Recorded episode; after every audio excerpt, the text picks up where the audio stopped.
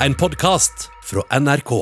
For deg som hører på, så er kanskje Helene Olafsen kjent som en rå danser på parketten i Skal vi danse, og som en av programlederstjernene i TV 2.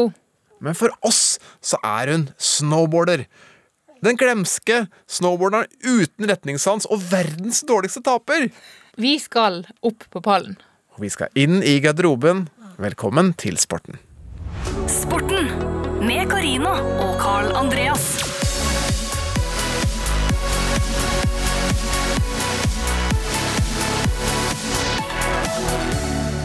Det er kanskje ikke alle som husker det. At Helene Olafsen var en av våre aller fremste medaljehåp i, i vinter-OL for noen år tilbake. Altså, hun, hun kunne faktisk ha Altså, hun ble jo verdensmester, men hun kunne ha herja noe voldsomt. Hadde det ikke vært for at det var noen knær som felte henne Altså rett og slett felt henne. Altså, eh, veldig mange av mine eh, kompiser sier jo jeg kunne ha blitt eh, spiller på Barcelona, hadde det ikke vært for. Helene Olafsen hun har en, en legitim 'hadde det ikke vært for'. Ja, faktisk. Så, så altså, hun la jo opp allerede når hun var liksom 25 år. Ja. Så eh, for en snowboarder vi kunne hatt. Men vi hun rakk heldigvis å gjøre en del ting, da. Kommer hit litt seinere, men nå så skal vi eh, stille ukens eh, viktigste spørsmål. Det deiligste spørsmålet Hva føler du nå? Hva føler du nå? Og det er en skandale! Det er fiasko! Og da kommer tårene! Hva føler du nå? For det er jo nemlig sånn, da, at uh, og så lenge vi har sendt sport på TV eller radio, så har dette spørsmålet lurt seg inn. Hva føler du nå til utøvere som har enten gjort det bra eller gjort det dårlig? Karl Andreas, hva føler du nå? Jeg er så glad for at du spurte, stilte meg det spørsmålet. Eh, For jeg skulle bare si en liten ting. Og det var at jeg så en eh, Jeg fikk se en sånn video som NRK hadde lagd. Det var veldig nydelig. Det var sånn sammendrag fra ski-VM eh, i 2011. Eh, Et mesterskap som gikk Altså nordiske grener i Holmenkollen gikk jo helt fantastisk. Masse, masse norske medaljer. Men vet du hva? Når jeg så på dette her Altså, det var jo stinn brakke i Holmenkollen. At det var, ja. Det var stinn brakke nede på Universitetsplassen når det var, eh, når det var seiersseremonier. Altså, det var så mye folk. Og når jeg hørte på en måte det, det brølet som møtte utøverne, hvor de kom eh, på Gratishaugen, inn mot mål, når de kom ut og skulle få medaljene sine Altså, når jeg så det, og når jeg hørte det, så fikk jeg faktisk nesten tårer i øynene. Gjorde du? Fordi på en måte så Jeg har jo snakka litt om det tidligere, at jeg liksom har vent meg litt til at det ikke er publikum. Ja. Men nå fikk man liksom se hvordan det liksom kunne Det var liksom å se inn i en annen tid, på en måte, men det var så Det var så sterkt, da. Altså, det var så mye lyd, og folk står så tett.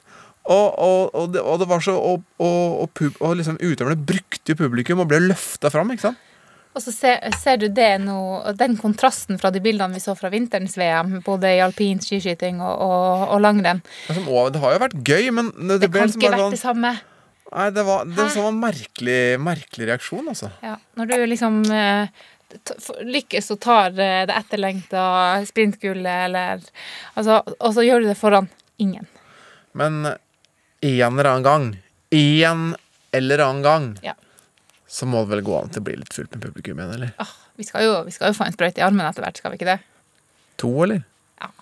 Og da er vi klar. Da, da skal vi brøle. Du veit at eh, jeg må ligge ned og ta sprøyter? Er du så feig? Ja, jeg, feig, det kan godt hende jeg er feig, men, men, eh, men jeg, hvis jeg sitter, så svimer jeg av. Selv om jeg veit det ikke gjør vondt. Og vet du hva som er det rareste?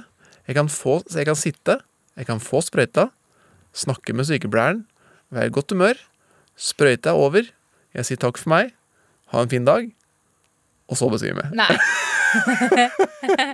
du er en rar fyr, du. Så jeg må ligge, få et glass vann, telle til eh, ti ganger knockout, altså ti, ti ganger, da. Ja.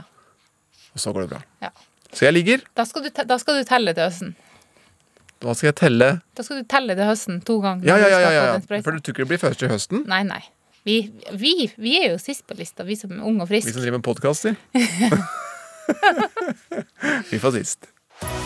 Opp på pallen og inn i garderoben. Det her er sporten.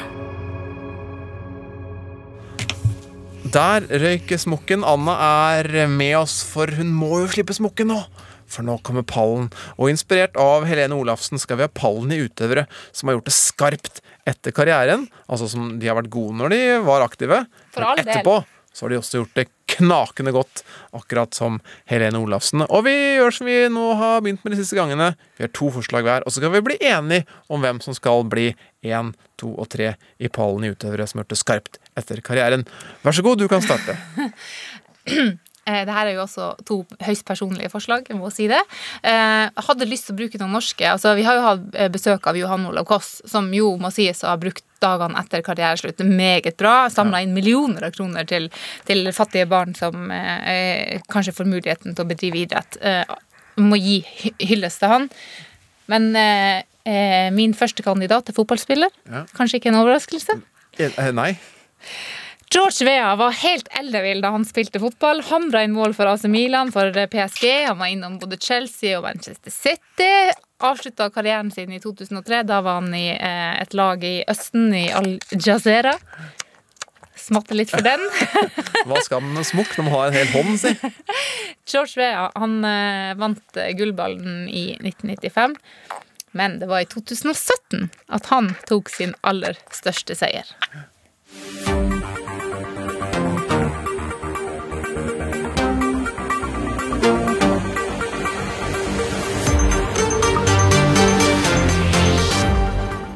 Den eh, tidligere fotballstjerna George Weah har vunnet presidentvalget i Liberia. Det bekrefter valgkommisjonen i landet. Han gråt av glede, den tidligere internasjonale fotballstjerna George Weah, da det var klart at han er vinneren av presidentvalget i hjemlandet Liberia. Tilhengerne jublet ellevilt. Følelsene var sterke hos mange. But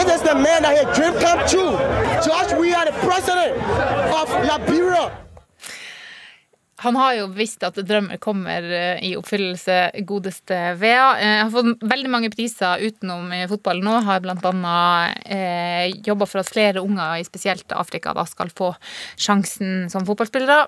Men han er da president, og jeg vet ikke hvor mye høyere man kan gå etter en idrettskarriere enn akkurat det. Nei, han er president. Jeg er enig at det er høyt. Eh, men så kommer det kanskje litt an på hvilket land man er president i, da. For mitt forslag til pallen, det er nemlig Gerald Ford, som gikk hen og ble USAs 38. president. Og det som er med han, at han blir sett på som en av de aller beste college fotballspillerne i USA noensinne. Spilte altså amerikansk fotball. Og eh, som han har sagt Nå skal jeg prøve å ta, nå skal jeg prøve å ta sånn amerikansk engelsk. Det, er- det, er- eh, for, eh, det er for humorens skyld. Eh, I had pro offers from Detroit Lions and Green Bay Packers who were pretty hard up, up for linemen, linemen those days. If I, if I had gone into professional football, the name Jerry Ford might have been a household word today. Og det betyr altså Jerry Ford, Jerry Ford et navn alle kjenner. Ja. Men han takka nei til å spille profesjonell fotball, selv om han var det beste laget han spilte på. Tapte ikke med han på laget. Takka nei for han ville studere juss, og ble senere da president i USA. Du hørte Liberia og høyna med USA. Ja, Men, men allikevel, karrieren hans var ikke måte så høy som George Vea, så det er, det Ah, er, nei, vi, er, i- vi- vi er i spill her. Vi er i spill. vi må diskutere det Vi må diskutere. Du har et forslag til. Ja, selvfølgelig har jeg det, og det er jo eh, gullmedaljør. eh, medaljør. Eh, David Beckham. Sir. The man with the left foot Ja. and the right foot. And, hair. Yeah. Oh, the hair. And the face. and the body. Og, og, og sånn kan vi holde på lenge, men Ja. sist nå så er han altså president i sin egen fotballklubb i Inter Miami FC.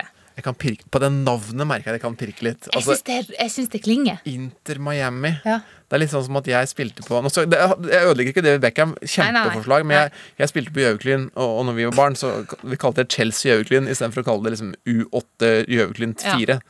4. Chelsea og Auckland det. Klinger heller ikke sånn megabra. Men Jeg du- føler Inter Miami er litt sånn samme. Ja, kjør videre. Eh, jeg bare, jeg bare du, du sa du ødelegger, ødelegger ikke David Beckham. Det er ingen noen gang som kan ødelegge Nei, Kanskje han sjøl kan gjøre det, men det er ingen andre som kan det. Han drar inn millioner av laken på parfymer, klær, eh, filmer, sosiale medier.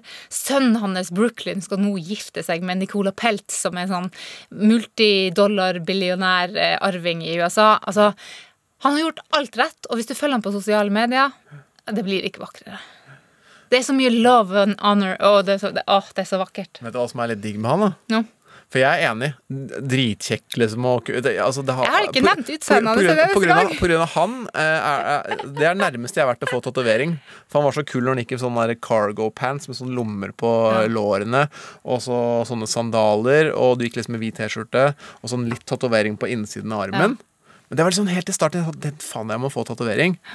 Heldigvis så klarte jeg å stå imot, da, for etter hvert så gikk det jo fem år, så hadde alle fotballspillere liksom alle barna sine på alle armer overalt. Ja, men David har over hele kroppen Ja, tror jeg. så, så, men han var, David- det var det nærmeste jeg var David- tatovering. David Men, er et kunstverk. men det jeg skulle si, var Vi kan ta den på én ting. Én ting. Én liten ting kan vi ta den på. For han har ikke den råeste stemmen i verden. Nei, det har han kanskje ikke. Nei. Men alt annet terningkast ti. Så bra kandidat. Kjempekandidat. Ja, jeg må si det. Jeg er Ja, fornøyd ja, ja, ja, ja. Topp kandidat. Ehm, da er det mitt andre forslag. Dette syns jeg er også et veldig, veldig, veldig veldig godt forslag. Og det er et godt forslag på så mange måter. Fordi eh, Og for første gang så tror jeg at det er sjanse for at jeg faktisk kan gå til topps og få gullmedaljen eh, i, på denne pallen. Ja, jeg tror det. Eh, for vi skal altså til en bokser som heter George Foreman, som er eh, Han har blitt verdensmester mange ganger, og han har uh, tapte for Muhammad Ali i det uh, Rumble in the Jungle, så, men han er som en av de største bokserne gjennom alle tider. George blocking many of these blows with his gloves. Schultz, the busier of the two fighters so far in round number one. Men det er etter karrieren at George Foreman har tjent så veldig mye penger. Og det har han gjort fordi han solgte navnet sitt, George Foreman, til en elektrisk sånn bordgrill. Ja. For 138 millioner kroner fikk han i 1999. Nei, nei, nei, ikke, do, ikke kroner. Dollar. Dollar, ja. 138 millioner, jeg sa kroner. Dollar. 138 millioner dollar i 1999. Og da hørtes det sånn ut. Steak, Sure. paninis, Easy. salmon, My speciality. um, vegetables, Naturally. from frozen. You bet. The George Foreman grill, altså. The lean, mean, fat-reducing grilling machine. Å, fy fader, for et navn! altså siden, 1990, siden 1999, da, så har altså de solgt over 100 millioner Det grilles i USA. eh, sånne. Eh, han får fortsatt 40 av salget. Ja. De er på lager i Hokksund. De har den i, i Bø. De har den i Oslo. Koster 699 kroner. Den er billig, da. Billig. Ja. Og, og gjør at George Foreman er steinrik Men du, fortsatt. er er det, er- det var Lean Mean Grill Machine, men eh, er det, er, er det Du glemte fat, the, the lean, mean, fat-reducing grilling machine. Er det sånn at, man, at, at grill, barbecuen blir sunnere ved å bruke den? Hvis du spør eh, de som jobber i The George Foreman Grill, tror jeg svaret er ja. Ja. Men Jeg tror ikke det. Men det er en legendarisk Det er- historie. det er altså, det er bare- en legendarisk Ja, historie. for en historie. Det er jo bare rett og slett et sånt her eh, Det er bare toastjern med noen striper i. Men jeg har, jeg har eh, lest at det er sånn kamskjell, eh, kamskjellform på den. Ja, mulig du må til Hokksund og Skal, jeg, skal, jeg skal kjøre til Hokksund. Det er ikke langt fra der jeg bor, faktisk. Men eh, er det sånn at vi får uh, Ok, det er ikke størst, liksom, og han har bare solgt navnet sitt til en sånn greie, men allikevel, det er så Altså, artig, ja, liksom. det er artig historie. Også, også hvis man regner det i papp eller laken eller uh, grynker, uh, eller hva du kan velge å kalle de tusenlappene for, Ja. så er jo Josh Herman han er jo, han er jo overlegen der. Det blir sjukt mye penger. Det kan godt hende at David Beckham på en måte har mer penger. Det er Klart President er jo helt rått, så, Ja. men det er jo en personlig pall. Er person, vi, vi, går for Siden den er på lager i Hokksund, så føler jeg at det Hokksund har egentlig ikke noe med min, min eh, mening å gjøre, men jeg, jeg er enig, vi kjører Foreman på gull. Ja, vi gjør det. Men eh, de to andre pla- pallplassene, da? Beckham må opp der. Ja, for Beckham er konge, liksom. Ja. Han er, og, var, han var jo dritgod i fotball òg. Ja, Han er, han er et merkevare. Ja. Og jeg mener jo også at ok, jeg var ikke klar over at eh, han president eh, Gerald Ford. ja, At han hadde en idrettskarriere bak seg. Det var jeg faktisk ikke klar over. Det er en god historie, men, men han har jo ikke gjort noe i idretten. Skal vi gjøre sånn hestehold som vi pleier å gjøre? At når Ja. får gull, så tar de andre de røkla? Ja, det synes jeg Ja, men da er Beckham nummer to. Beckham Og så nummer to. V3. Fikk du to fotballspillere på pallen, du? Ja. Du er fornøyd, du, da? Jeg er fornøyd, da. Men på toppen Mesdames et messieurs, médaillés d'or. Ladies and gentlemen, gold medalist. Lean, mean, fat reducing grilling machine. George Foreman, bokser. Sporten med Carina og Carl Andreas.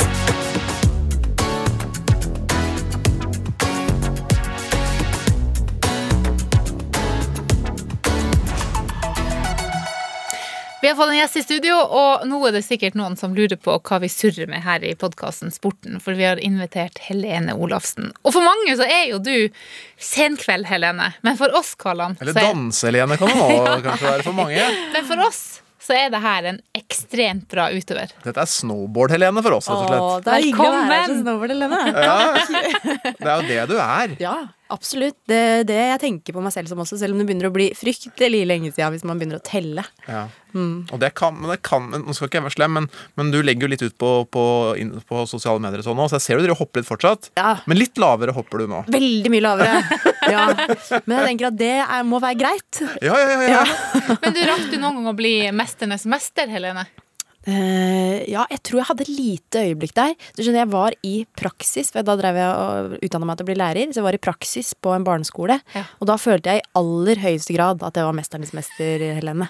Det var litt sånn Justin Bieber-tilstander, faktisk. Å, herregud. Ja. Mesternes mester er svært, altså. Ja, Veldig. veldig. Mm. Ja. Det har vi fått bevis på i år også. Ikke sant. Men nå skal vi eh, vi skal, vi skal rett og slett snakke snowboard og karrieren din. Eh, Det begynner å bli noen år siden du la opp. Men det er også veldig veldig mange år siden du starta. ja. Altså, det Så være- gammel er jeg. Ja, ikke sant? Men, altså, det er jo ikke mange år siden, da. Men, men, men eh, du var altså bare 16 år, og bang! Så var du en av de beste i verden. Hvordan var egentlig det? Uh, Tja, hvordan var det? Det var jo, eh, Grunnen til det var jo at eh, altså jeg, jeg husker at fattern prøvde å melde, melde meg på i OL. Kan man melde seg? Nei, han prøvde å få meg med i OL i 2014, husker jeg. Eh, og det gikk ikke. Um, Hvor gammel hadde du vært da? da hadde jeg jo vært 14, Ja, ikke sant? ikke sant. Så det Det er ungt. Nei, nå tuller jeg vel. I 2014 var du jo med. 16. 16, ja. 16, selvfølgelig. Ja, ja. 16. Ja. Det kunne jo teorien gått, da. Det kunne gått. Ja. Det kunne gått. Men det gikk ikke, eh, for da måtte alt klaffe og noe greier. Og det var Det er en lang historie. Det gikk i hvert fall ikke. Nei. Eh, Men så fikk jeg da mulighet til å eh, være med For jeg klarte ikke å skaffe nok World Cup-poeng og sånn, da. eh, For det er en lang reise. Men i hvert fall så fikk jeg lov til å være med i VM. For der hadde man jo bare nasjonalplass. Man trengte ikke å være kvalifisert. Ikke sant? Så jeg fikk Norges plass i VM. Eh, og da følte jeg liksom at dette her er jo mitt øyeblikk, liksom. Eh, og så merket jeg jo på eh, på treninga og sånn, når jeg kjørte mot de andre jentene, at dette her, dette her De er jo ikke så gode, liksom. Og jeg tenkte bare at jeg skal i hvert fall ikke ha noe respekt for dem. Og jeg fikk litt kjeft og sånn, da, for jeg kjørte litt hardt på, på treninga. Eh, men så når jeg plutselig liksom var husker så veldig, veldig lite, men jeg husker den siste svingen. Eh, så prøvde jeg å kjøre forbi, klarte ikke det, men allikevel så kom jeg inn med medalje. Og jeg husker at jeg bare var sånn Jeg følte liksom at jeg hadde klart det. Var, det var veldig sånn eh, Det var spinnvilt, liksom. Det, jeg syntes det var helt uh, fantastisk. Og så tenkte jeg at nå nå må jeg slutte med håndball. Ja, for da ble det VM-bronse, rett og slett, Ja. som 16-åring. Ja. Det het bordercross en stund, og så gikk det over til snowboardcross. Hva endte det opp med? Ja, det heter offisielt eh, snowboardcross. Ja, men og det er rett og slett at man starter samtidig, flere. Ja. Og så kjører man en løype ned med litt svinger og hopp, øh, og så er det om å Sjukt komme først kult til å se mål. på. Ja, veldig Helt gøy. Ja. Det er verdens kuleste idrett, det. Men, men da kom du også inn. Du Plutselig var du der oppe. Du hadde drømt om å være på et landslag. Plutselig var du det. Du skulle reise rundt, men du var bare 16 år. Hvordan var du den gangen? Hva slags jente var det som liksom dukka opp på det landslaget der da? Åh, um, jeg var jo veldig idrettsjente, og jeg var veldig målretta, så jeg var nok ganske sånn Var nok veldig seriøs Det var veldig ordentlig, du. Det var veldig ordentlig. Ja. Eh, ja, ikke nødvendigvis ordentlig. Jeg husker, ja. Eh, Men jeg var veldig, veldig seriøs. Ja, kanskje jeg var ordentlig. Har du snakka med noen som sa jeg var ordentlig? Jeg bare altså, altså, i hvert fall at du kunne være litt veslevoksen. Spiste ordentlig, trente ordentlig. Ja. Var ikke noe kødda ikke Nei, noe, nei, liksom. jeg var skikkelig Altså, jeg er jo egentlig ikke en typisk snowboarder, ikke sant? sånn som man tenker på snowboardere. Jeg kommer fra en familie som Foreldrene mine var langrennsløpere, og jeg dreiv med liksom, konkurranseidrett i mange forskjellige Altså både håndball, altså fotball da jeg var liten, selvfølgelig, og friidrett, og det, var liksom jeg likte å være god, da. Jeg ville bli best, liksom. Så jeg var eh, Hadde skikkelig sånn eh, konkurransehue, og så liksom, det var det som var livet mitt, da. Fra jeg var kjempeliten, så det, var det trening hver dag, og vi dro til Sverige i feriene for å konkurrere og få plassering. Altså, det var litt loco. Det var det. Og når denne ordentlige, veslevoksne konkurransejenta skulle være sammen med de andre snowboarderne, var, var de like de andre på landslaget, eller? Hvor er det du vil da? Nei. Mm, nei, det vil jeg ikke si. De var ikke like. Nei. Hvordan hvordan var det, ble det kulturkrasj?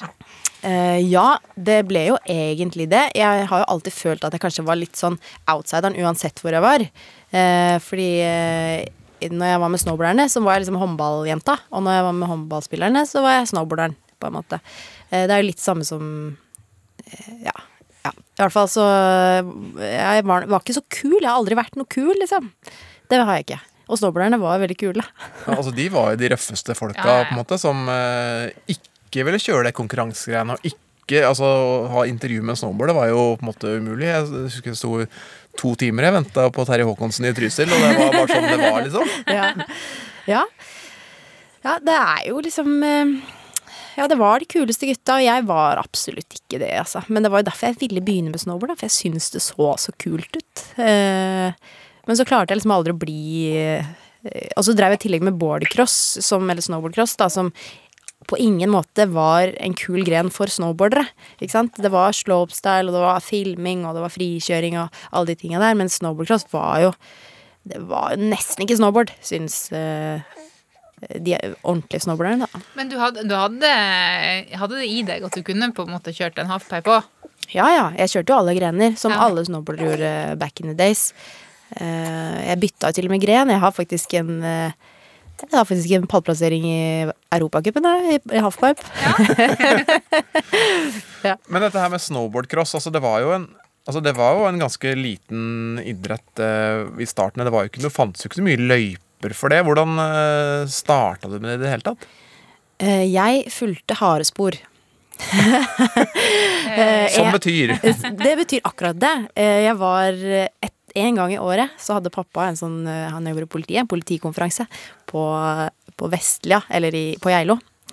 Og da eh, var jo jeg eh, altså i mitt ess. Jeg elsket det, for vanligvis så kjørte jeg Engakollen, som er på en måte to minutter opp, et halvt minutt ned. Og det å på en måte boltre seg på et helt fjell, eh, det var lykken i livet. Og så syns jeg det var helt vanvittig gøy å kjøre utenfor løypene. Og da eh, begynte jeg med å følge harespor, da. Hvis du så noen harespor ute i skauen, så fulgte jeg de. Eh, og sånn fant jeg ut at det var veldig gøy å prøve å manøvrere seg gjennom og over og under og eh, ja, lage liksom løyper inn i skauen. Og da fant du ut liksom at det var en idrett som passa til å kjøre etter harde spor? Nei, så er jo min far min far, og meldte meg på Norgescup i alle grener. Eh, eh, og der var det 13 års aldersgrense. Jeg var vel 13 fra jeg var 9. Eh, så jeg var 13 i noen år, og prøvde alle grener. Og så var det på en måte Det var boardcross som måtte eh, snakka til meg, da. Det var det jeg syntes var gøyest. Og mann mot mann og eh, ja, skape fart og tenke linjer og strategi og, og liksom gønne på. Det syns jeg Det passa meg veldig bra, da. Men du, jeg blir litt nysgjerrig på denne far din. Er det, er det, har han vært sånn eh, eh, agent og trener og manager og alt på en gang, eller har han bare vært sånn pådriver? Ja, han har egentlig vært litt alt. Eh, ikke liksom ikke, Det er ikke noe Gjert Ingebrigtsen-nivå, men eh, litt sånn eh, Finn Aamodt-nivå. Ja, veldig mye roligere Finn Aamodt, da. Eh, Så ja, han har vært absolutt alt. Så han var på en måte materialforvalter, og han tok alltid med brettet etter jeg hadde kjørt og tørka stålkantene, og det var voksa brettet mitt, og sendte sponsorforespørsel til Burton da jeg var seks, og ikke sant. Nei, ja, ja. Så det var eh, han, eh, han har gjort mye. For det var jo, jeg var jo den eneste som drev med snowboard. Jeg hadde ingen venner som drev med snowboard. Det var nesten ingen fra stedet der jeg er fra, som drev med snowboard. Eh, så hadde det ikke vært forfatteren, så hadde jeg jo aldri Men, men var det han som så at du var god, eller var det du som på en måte sa 'dette vil jeg gjøre, legg til rette for meg'? Eller? Eh, Jeg vet at jeg ble tatt med på ski, som jeg ikke syntes var noe gøy, veldig tidlig. Eh, og så sa jeg til pappa at, uh, at jeg ønska meg snowboard så, At jeg ønska meg det så hardt. Men jeg aldri ønska meg noe. Så sa jeg jeg lover å bli verdensmester hvis jeg får snowboard. og da uh, fikk jeg da snowboard i sånn tidlig julepresang det året jeg var seks. Mm.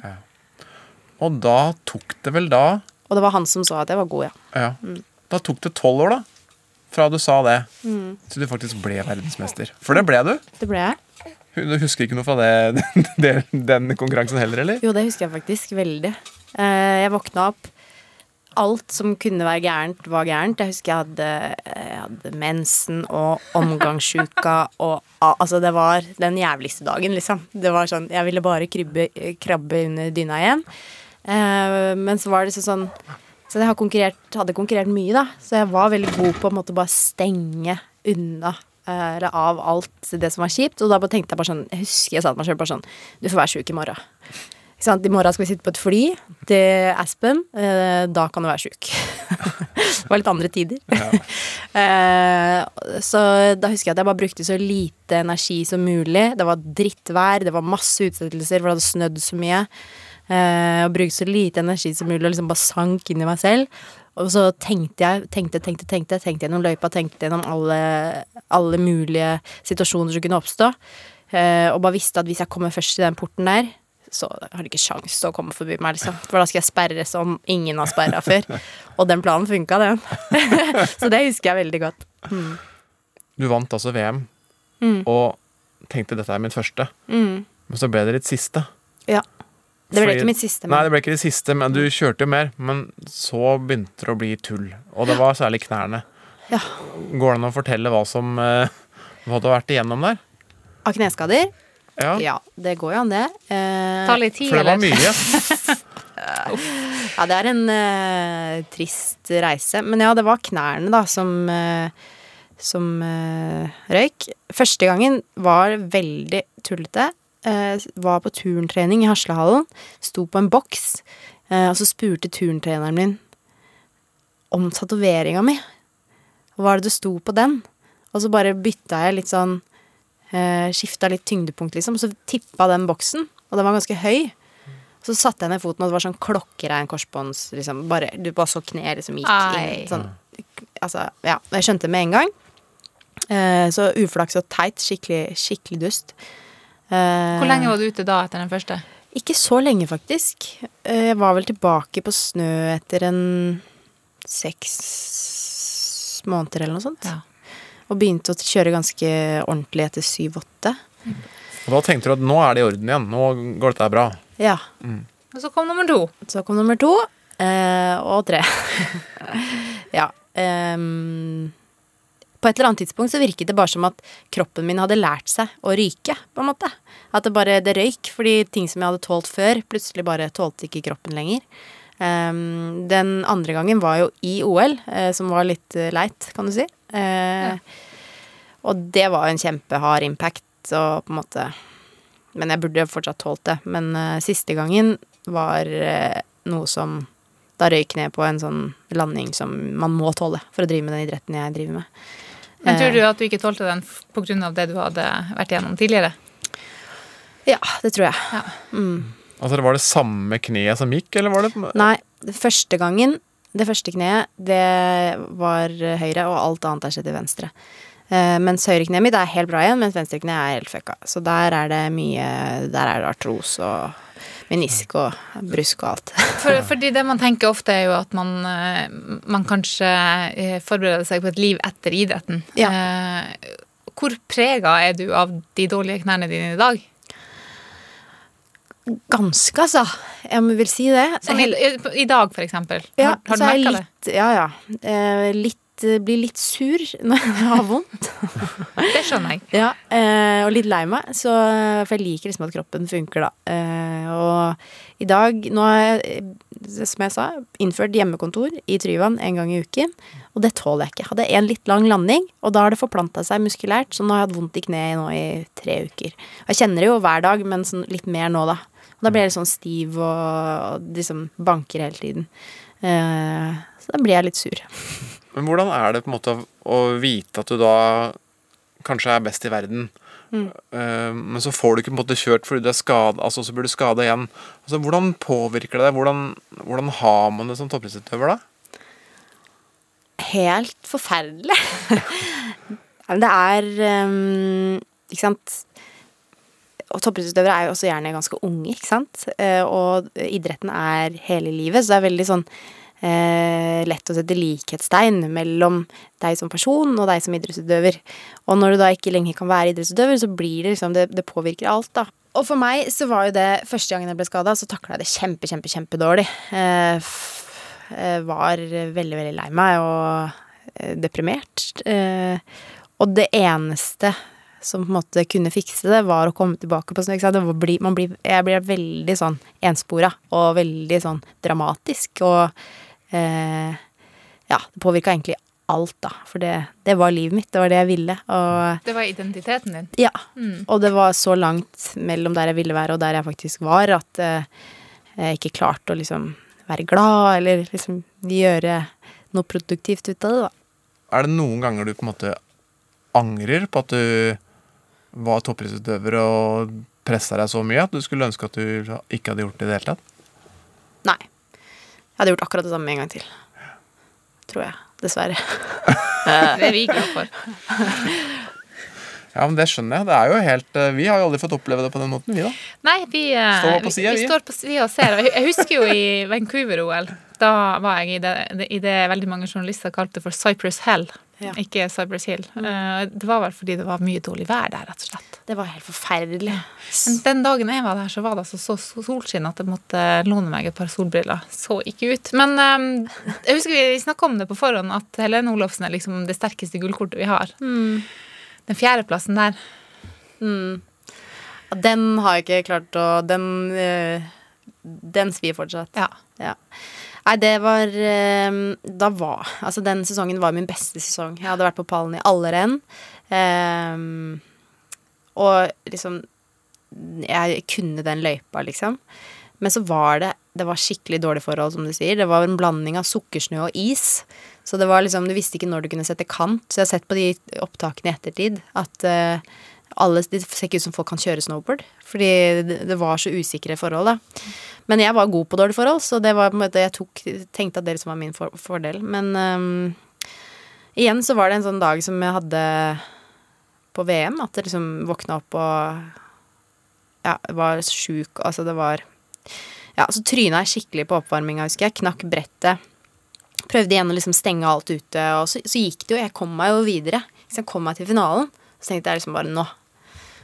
Nå skjer det. Og så var det bare Det bare funka ikke. Jeg, jeg husker jo veldig, veldig lite av, eh, av det løpet. Men jeg vet jo at jeg tryna to ganger. Jeg gjorde en feil helt i starten, og etter det så husker jeg ingenting. Eh, og så bare Det var liksom alle mareritt det mareritt. Det var liksom det, akkurat den der drømmen av ikke klare å løpe. Det var liksom den følelsen. Det bare funka ikke. Jeg var så utenfor meg selv. Beina mine var pinne stive, og jeg bare Jeg funka ikke. Og det å liksom Å, å være i den finalen, det er sånn 99 av 100 ganger så hadde jeg fått pallplassering. Eh, hadde nok ikke vunnet, men andreplassen skulle jeg hatt, liksom. Eh, og det, det svir fortsatt. For det var liksom Alt lå til rette for at det var min dag, liksom. Men eh, men, men, man eh, lærer av motgang òg, gjør man ikke det? Ja, ja, man blir mye, mye sterkere. Jeg kjenner at det får vondt inni meg bare av å høre deg snakke om det, og så husker jeg jo tårene og alt. Ja. Så bare, men vi blir sterkere. Ja. Og hold fast i det. Og det ble jo medaljer i X Games, og det ble medaljer i VM, og så det var jo bare OL, hvem er det som bryr seg om det, da? Ikke sant? Bare pamper og korrupte greier. Ja, ja, ja, ja. ja, ja. Du sa du, du begynte på lærerstudiet. Eh, Ja. Hvor, lang tid klarte, hvor lang tid tok det før du klarte å liksom Ok, jeg skal stake ut den nye veien i livet mitt? Eh, det tok eh, at jeg la opp eh, egentlig.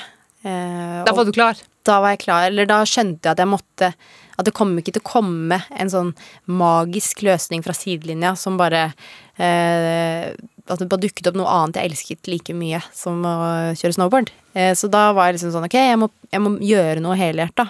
Må prøve. Så da ble jeg lærerstudent på heltid. Tenkte at det var Ja, hvorfor ikke, liksom? Det, Men, men litt av en overgang. ja. Eh, brutal overgang. Men fortsatt eh, likte det veldig godt, da.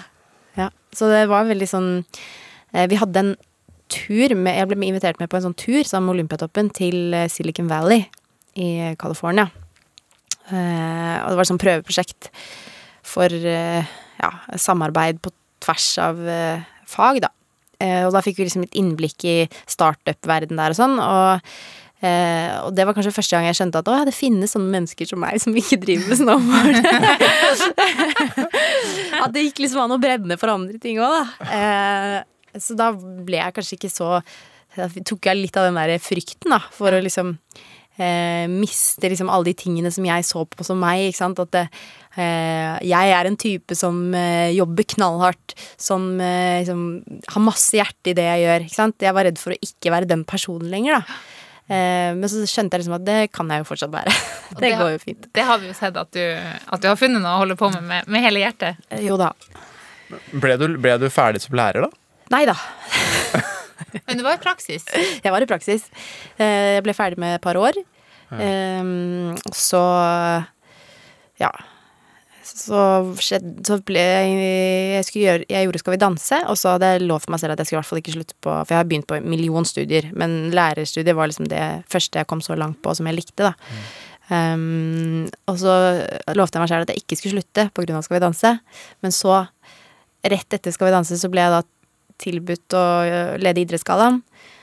Og da så jeg bare at da går ikke den derre da, da funker det ikke å nilese på eksamen, liksom. Det går ikke. Eh, så eh, da la jeg det litt på hylla. For da satt jeg i en sånn åtte timers lang forelesning om skole-hjem-samarbeid eh, for fjerde dagen på rad, og kjente at eh, det var ting som fristet mer, da. Men du, er du, er du den samme sånn personligheten, har du de samme kvalitetene eh, som sivile eh, Helene som du hadde da du var aktiv? Nei, nei, Helene? ikke i det hele tatt. Nei. Altså, du, du er fremdeles du, du er ikke glemsk lenger? Jo, det er jeg. Den har jeg tatt med meg videre. For du var veldig glemsk eh, når du var på altså, hele tiden, men i hvert fall på landslaget. Hva var det du kunne glemme? Har du noen historier der? Det høres ut som eh, Vi er, dere- på, vi er på jakt her. Ja. ja, jeg har glemt mye. Jeg har glemt eh, startnummer. Det er litt dumt, eh, for da får man ikke kjøre konkurransen. Så vet ikke om det går med glemt eh, Men jeg glemte Altså, jeg tok feil heis eh, til en konkurranse, så jeg mista start. det var i Kongsberg skisenter. Der er det to heiser. Du, du bør være relativt kjent der òg, kanskje. Altså, jeg har så dårlig stedsans. Altså, det er helt håpløst. Jeg har glemt uh, Det er sikkert den dere er på jakt etter. Jeg var fæl til å glemme passet mitt. Ja. Ja. Eh, Hva kunne, hva kunne skje da? Liksom? Hvor kunne du glemme det? men greia var da jeg, eh, eh, når jeg var på reise, da hadde jeg hviledag. Det klokka jeg som hviledag, og da hadde jeg skikkelig hviledag. Bare skrudd av alt, liksom. Var helt amøbe. Eh, og passet, av en eller annen grunn, så tok jeg det alltid ut, for du må ofte s- s- skrive på sånn visum og sånn, ikke sant. Og da endte det ofte i den lomma på, foran på, og det glemte jeg jo alltid når jeg skulle ut, ikke sant. Eh, men særlig én gang holdt det på å bli veldig, veldig krise, for da glemte jeg først passet på ett fly, og de er veldig sure når du skal inn på flyene etter at du har gått ut. Ja, det er det. Eh, og da var det liksom Fjo, jeg fikk det til, liksom, med nød og neppe. Eh, og vi skulle da mellomlande i USA. Da må du ta ut bagasjen din eh, og sjekke den inn igjen. Da tenkte jeg at det var lurt å legge det passet i den bagasjen da, som jeg hadde, sjekket, som jeg hadde hentet ut, og da sjekket den inn igjen på eh, O'Hare eller det var et, en eller annen svær Jeg tror det var New York, jeg. Eh, og da sjekka jeg inn den bagasjen igjen, og bare så Idet jeg så at den bagasjen Nei. forsvant, så husket jeg at jeg hadde lagt passet oppi og altså da Vi ble gode på å smile pent eh, til eh, flyplassansatte Ja. og se oss ut. Hvilke eh, flyplassansatte som kunne være tilbøyelige til å gå en ekstra mil for Ja. oss. Og den fant vi den dagen også, så det ordna seg. Det ordna seg. Måtte, du inn og hente det fra Han løp inn på det båndet og motsatt side av annen terminal og greier og greier. Men, men det er det jeg liksom lurer på, for hvis jeg skal liksom dra et sted, så, så sta, da starter jeg på en måte nederst, og så tenker jeg liksom Ok, har jeg sokker, har jeg bukse, har jeg liksom ullundertøy, har jeg, så går jeg igjennom, og så Ja. kommer jeg opp til hjelm, briller Ja, nå har jeg alt, på en måte. Mm. For når du da liksom alltid glemte enten hjelm eller eh, ryggplate eller startnummer eller pass Altså, hva var dine rutiner for å huske ting, da? Uff, ja. Jeg tror det er der du pirker borti noe der. At det kanskje ikke var så gode rutiner. Eh, jeg var jo veldig i konkurransemodus, liksom. Jeg skulle, hadde fokus på det jeg skulle gjøre. Eh, og så overstykka det kanskje alt annet. Ja. Ja. Og så nevnte du retningssans òg, for den, den er ikke god. Den er ikke god. Altså, hvor dårlig er den, på en måte? Nei, eh, jeg var jo, trodde jo at jeg tok riktig heis i Kongsberg skisenter eh, til start. Eh, de går i totalt forskjellig retning, de to heisene. To, For det er to heiser. to heiser. 50-50. Ja, og så nå Og selv den 50-50, heisen so you're telling me there's a chance. Så selv den Jeg tok stolheisen, da, for de som er kjent i Kongsberg skisenter. Og når du kommer opp på toppen, så kan du da enten kjøre til høyre eller til venstre. ja. Og jeg kjørte da til venstre når jeg skulle kjøre til høyre. Og jeg er så dårlig på stedsans at jeg når jeg går liksom Jeg jeg var på Skal vi danse. Jeg gikk feil vei Altså når jeg kommer ned trappa, så gikk jeg feil vei inn til studio. Sikkert eh, altså hele sesongen. Et Så er halvt liksom år. ikke, du trenger ikke være i en jungel for å gå feil. Nei, nei. Nei, nei. Ja, på ingen måte. For du, for du, men heldigvis bodde du Du var fra Oppegård, Ja. og så måtte du trene masse på Olympiatoppen. Eh, Der er det en veldig lett vei, bare rett fram hele tiden. eh, og du fikk lappen. Hvordan gikk det når du skulle begynne å kjøre og finne Olympiatoppen? Jeg skjønte at det var noe feil når det sto Göteborg. Eh, neste. Kom til svenskegrensa. Altså, jeg har tatt tog feil vei. Altså, det, ja, det er sjanseløst. Men jeg er blitt bedre nå, faktisk. Fordi nå bor jeg ved, ved havet, og da eh, følger jeg med på vindretninger og sånn. I dag kommer det fra syd og sånn. Så jeg har blitt Så du har, bedre. du har kontroll på vindretninger, men jeg klarer ikke å ta toget rett vei. Nei, altså nei, Og jeg var jeg, På lærerskolen så besto jeg så vidt orienteringseksamen. Og det var fordi jeg juksa. Jeg hang meg på de andre, liksom. Fordi at jeg, jeg har ikke sjans. Jeg er, jeg er helt talentløs. Kan aldri være med på 71 grader nord. Men eh, når du bor på en øy, så er det kanskje også litt enklere å komme seg til Da er det bare én nei, så det er veldig Ja. greit. Flaks det, da. Ja. Eh, um, en annen ting som eh, lurer litt på. Eh, du har jo vunnet kjempemasse. Eh, og så har du Er det ikke alltid du har vunnet? Er du en, eh, er du en god taper eller en dårlig taper? Ehm, jeg var en skikkelig ræva taper. Men jeg mener jo at man ikke skal være god taper. Eh, og det var ikke sånn at det gjaldt i kortspill, og jeg er ikke der. Men i snowboard, når jeg uh, I snowboard Ja, i snowboardkonkurranser, når det gikk dårlig, så var jeg Da trengte jeg liksom den halvtimen på å gå, gå for meg selv. Slå inn noe greier. Sparke litt og kaste litt ting og sånn. Har du, har du ødelagt ting? Um, det har jeg. Ja. Mm. Det var på det nivået, ja. Ja. Eh, ja. Ikke, når jeg, ikke i snowboard, men jeg har gjort det siden.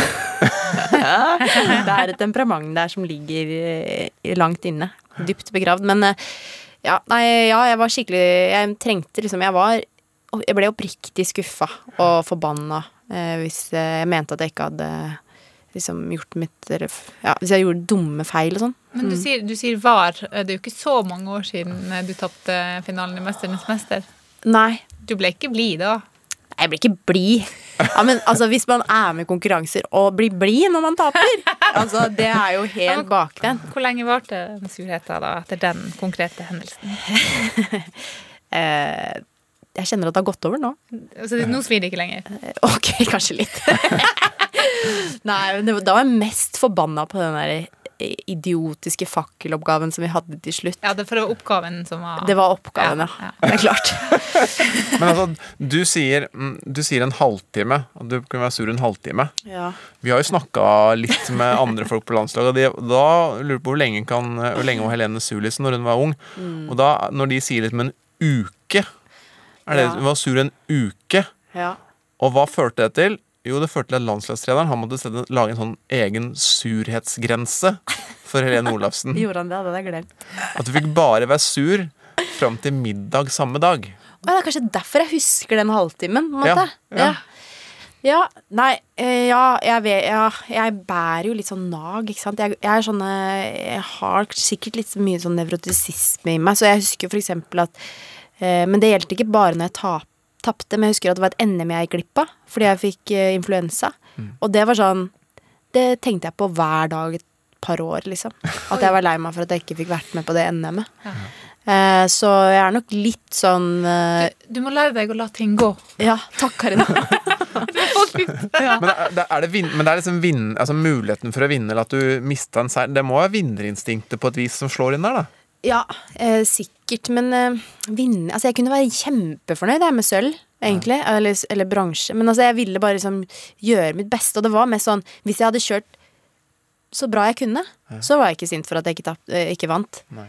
Men hvis jeg gjorde sånn dusteting, så bare åh, jeg banka meg selv opp, liksom. Innvendig. Og det gjør jeg jo fortsatt òg. Litt. For, for du, du driver jo og konkurrerer i, i din nye jobb også. Er det, er Nei, det er ikke nærheten. Nei, det, det er bare tull, det. Ja, det er bare tull, men, men eh, jeg er jo litt sånn at når, hvis jeg spiller ludo, så har jeg jo lyst til å vinne det òg. Ja. Så, så du har sikkert lyst til å vinne på senkveld òg?